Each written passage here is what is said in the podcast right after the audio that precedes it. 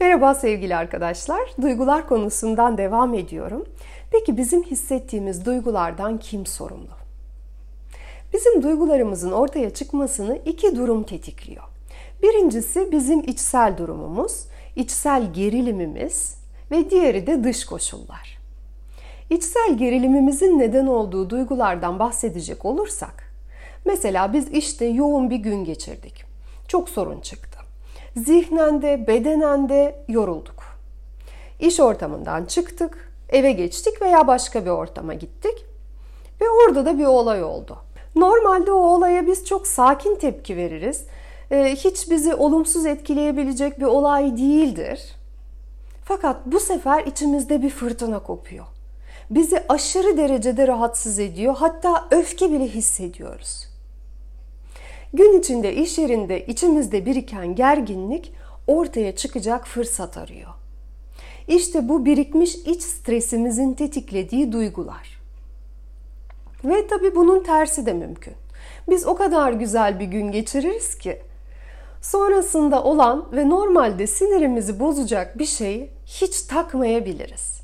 Onu anlayışla karşılayıp sevgiyle kabul verebiliriz. Ve bir de dış çevrenin direkt olarak kışkırtması nedeniyle oluşan düşük titreşimli duygular var. Biz içsel olarak son derece sakin olsak bile bunlar yine de ortaya çıkabilirler.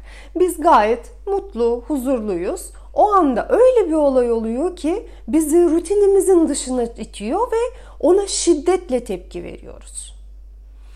Fakat duygunun ortaya çıkışı içsel gerilimimiz nedeniyle de olsa bunu dış çevre de tetiklemiş olsam her iki durumda da bu duygular, bu hisler bizim hislerimiz. Bunları hisseden ve bu hislerden sorumlu, bu duygulardan sorumlu olan biz kendimiziz. Eğer biz kurban psikolojisinde bir kişi değilsek bunun farkındayızdır ve duygularımızın sorumluluğunu alırız.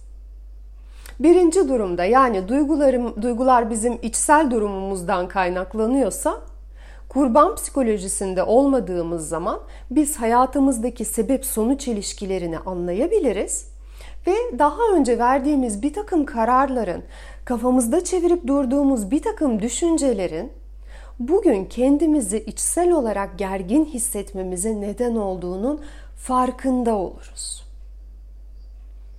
İkinci durumda dış olaylar eğer bizim duygularımızı tetiklemişse bizim ne hissedeceğimizin seçimi gene bize aittir. Farkında olsak da olmasak da. Hissettiklerimizi nasıl yaşayacağımız, ne tepkiler vereceğimiz, bütün bunların kararı bize ait.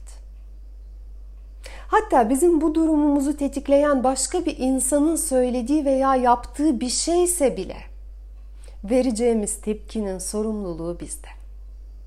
Yani o insan beni üzdü, o insan beni kırdı dediğimizde bunu yapan o değil. Biz onun yaptığı şeye üzülmeyi veya kırılmayı seçmişizdir. Başka bir şey de seçebilirdik.